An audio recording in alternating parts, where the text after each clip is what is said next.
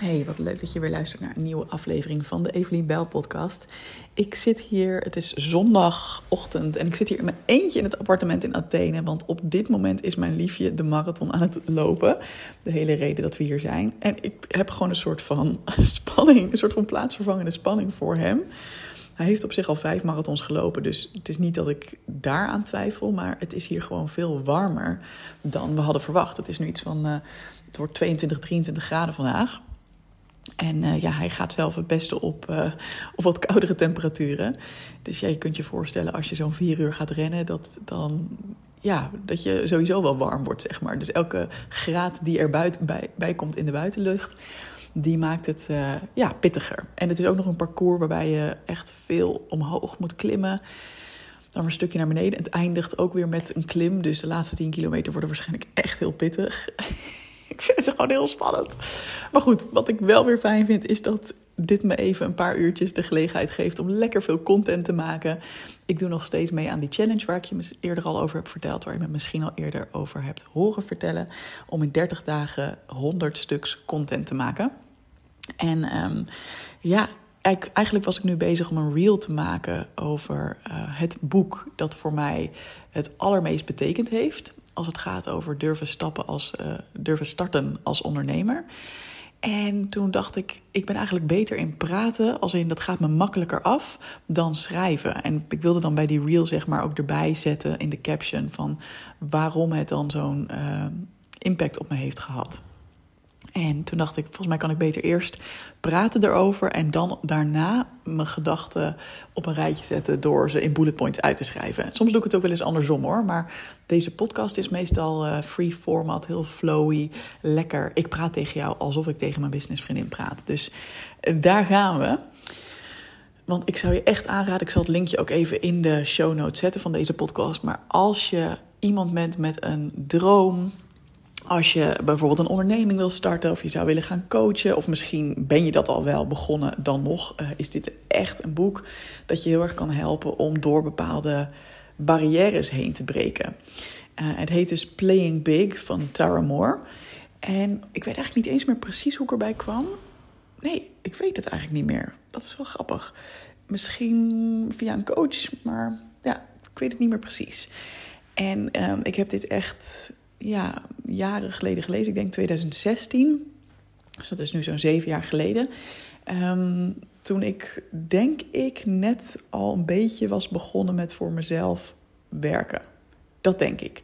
Kijk, ik ben altijd heel slecht in dit soort dingen onthouden. Dus het kan ook best wel zijn dat ik dit boek heb gelezen en dat ik daarna voor mezelf durfde te beginnen. Maar mijn gevoel zegt dat het andersom was. Dat ik al een beetje was begonnen en dat ik toen dit boek las en dacht: fuck it, ik ga all in, let's go.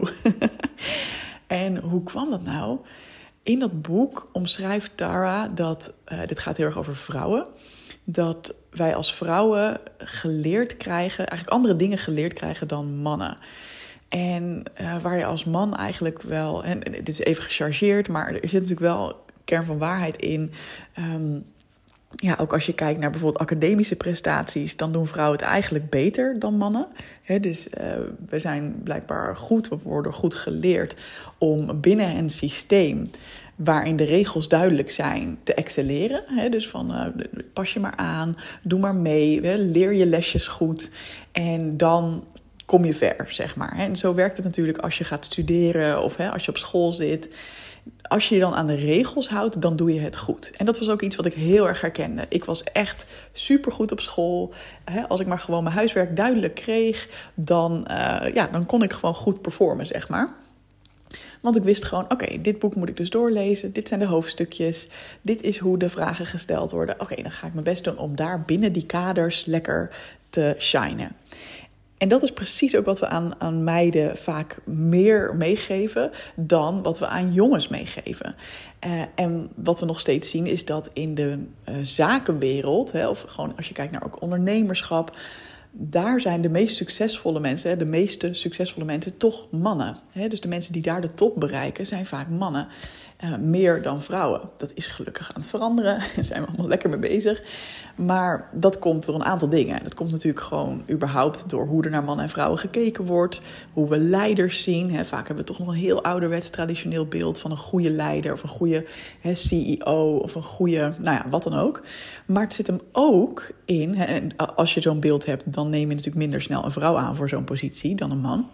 Maar het zit hem ook heel erg in um, wat we meekrijgen van, hè, als vrouwen hebben we jarenlang ons binnen het systeem moeten bewijzen. Hè, als jij bij wijze van spreken 100 jaar geleden als vrouw lekker je eigen ding ging doen um, en niet binnen de kaders paste en onaangepast gedrag ging vertonen, uh, eigenlijk buiten de groep viel, dan was dat gewoon letterlijk gevaarlijk. Want ja, tot helemaal niet zo lang geleden had je nog helemaal geen, uh, niet zoveel rechten als vrouw. Hè? Dus als vrouw alleen, ja, succes, maar dan ging je het gewoon niet redden.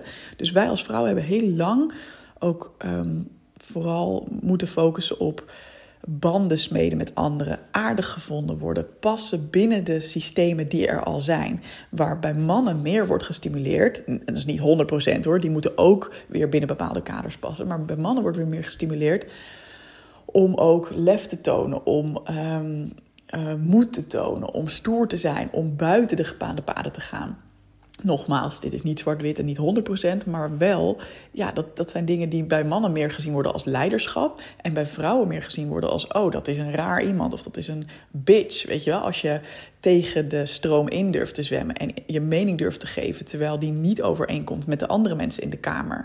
Bij een man zal het eerder gezien worden als, oh, die heeft lef, weet je wel.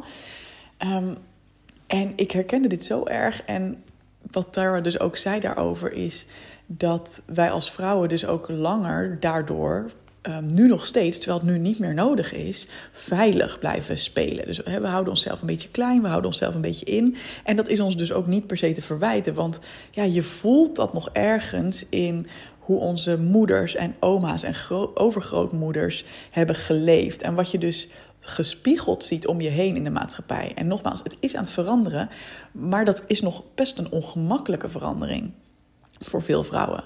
Dus voor heel veel vrouwen voelt het toch nog steeds veiliger om te denken: ik ga eerst deze opleiding perfect afmaken. En dan mag ik mijn mening geven over dit onderwerp. Of ik moet eerst zoveel jaar werkervaring hebben en dan kan ik solliciteren op die baan die ik echt wil. Of ik moet eerst nou ja, zoveel klanten geholpen hebben, dan pas mag ik mezelf een coach noemen op dit gebied. Of dan pas mag ik mezelf een expert noemen op dit gebied. Wij vinden dat nog heel spannend om dat te claimen op het moment dat dat nog niet uh, bewezen is. En wij denken dus dat um, onze waarde, dat die pas echt er is als het extern gevalideerd is. En ook daarin, weet je, ik ben altijd vrij genuanceerd het is natuurlijk ook, er zit natuurlijk deelswaarde in. Hè? Een opleiding volgen, daar leer je van. Dus dat is fantastisch. Uh, als je meer ervaring hebt met het coachen van een bepaalde doelgroep, dan ben je ook meer een expert daarin dan als je dat nog nooit gedaan hebt. Dat betwist ik ook allemaal niet. Maar wat ik wel heel fijn vind aan wat ik uit dit boek geleerd heb, is dat ik eigenlijk al veel eerder naar buiten mag treden met hetgene wat ik zie, voel, denk en geloof, dan wat ik misschien van binnen voel. Dus van binnen heb je misschien de neiging om jezelf stil te houden, om jezelf klein te houden, om te denken van, ah, ik wacht nog even af. En als je een stap zet in de richting van je droom, dan is het vaak een hele veilige stap. Zoals een boek ergens over lezen, of weet je wel, iets achter de schermen doen. Um, dit is ook waarom, denk ik, heel veel vrouwen blijven hangen in het stadium van eindeloos hun website mooi maken, of hun logo perfectioneren, of hun huisstijl. Dat zijn relatief veilige stappen die je kan zetten in je eigen bubbeltje. Het wordt spannend op het moment dat wij naar buiten keren met onze boodschap. Dat wij naar buiten treden en aan, ons aan de wereld presenteren en zeggen: Dit is wat ik ergens van vind. Dit is wat ik zie. Dit is waar ik in geloof. Dit is waar we volgens mij heen zouden moeten.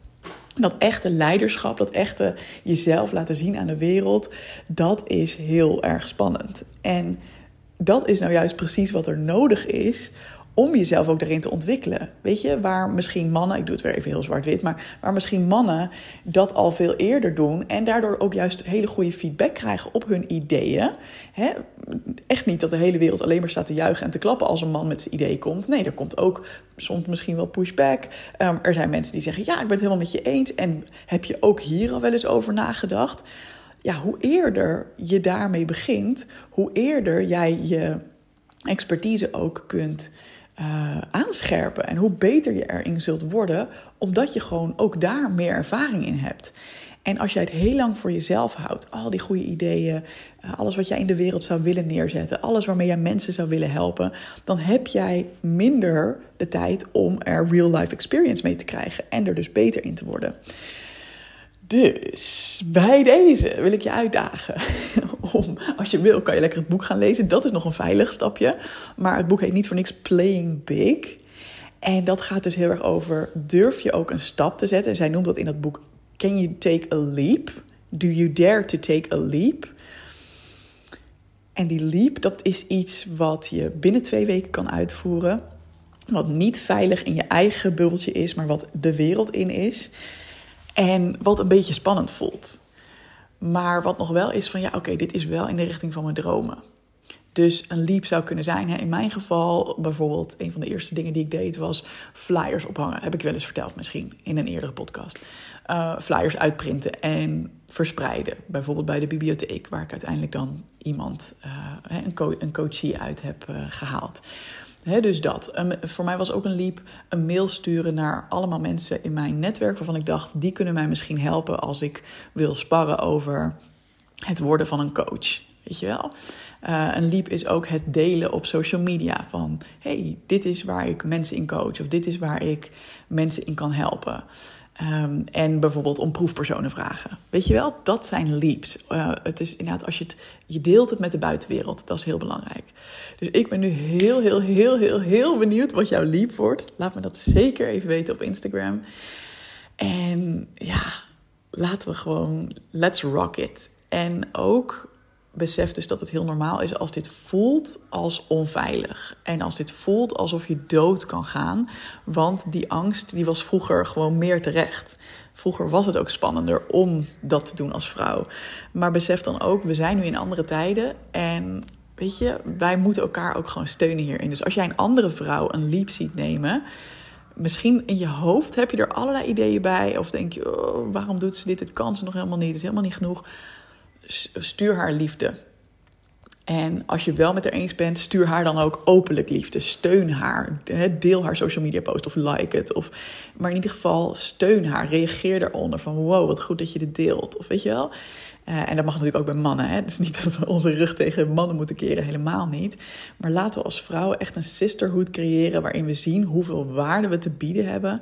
En ja, waarin we elkaar gewoon onvoorwaardelijk steunen en daardoor steeds grotere en betere leaps forward kunnen nemen. Want het begint met één zo'n kleine leap, die in het begin helemaal niet klein voelt. Maar als je terugkijkt en terugdenkt over een paar jaar, denk je: ach ja, lieverd, vond je dat zo spannend? En elke keer als je weer leaps blijft nemen, dan merk je opeens dat je ergens staat. Dat je denkt: wow, ik had dit nooit voor mogelijk gehouden. Zoals ik nu dat ik een bedrijf heb waar ik van kan leven en waar ik echt volledig gepassioneerd over ben. Waar ik echt volledig gepassioneerd over ben. Ik vind dat zo bijzonder. Ja, het was nooit gebeurd als ik niet dat ene stapje genomen had. En nog een stapje en nog een stapje. Ehm, en ook, ja, daar ben ik ook mijn, uh, mijn ondernemende businessvriendinnen heel dankbaar voor. Dat je dat ook bij elkaar aanmoedigt. Zegt, oh, wat ben je lekker bezig, wat fijn. En waar je natuurlijk ook terecht kan als, als het even spannend is en eng en moeilijk. En als het niet goed gaat, want dat hoort er ook bij. Alright, dankjewel voor het luisteren. En als je hier nou helemaal een energieboost van hebt gekregen, dan eh, zou ik het heel leuk vinden als je een 5 sterren review achterlaat. Als je de aflevering deelt met iemand die hier iets aan kan hebben. En um, ja, abonneer je ook. Volgens mij was dat het belangrijkste, toch? Ja, denk het wel. Dankjewel voor het luisteren en tot de volgende keer. Doei doei.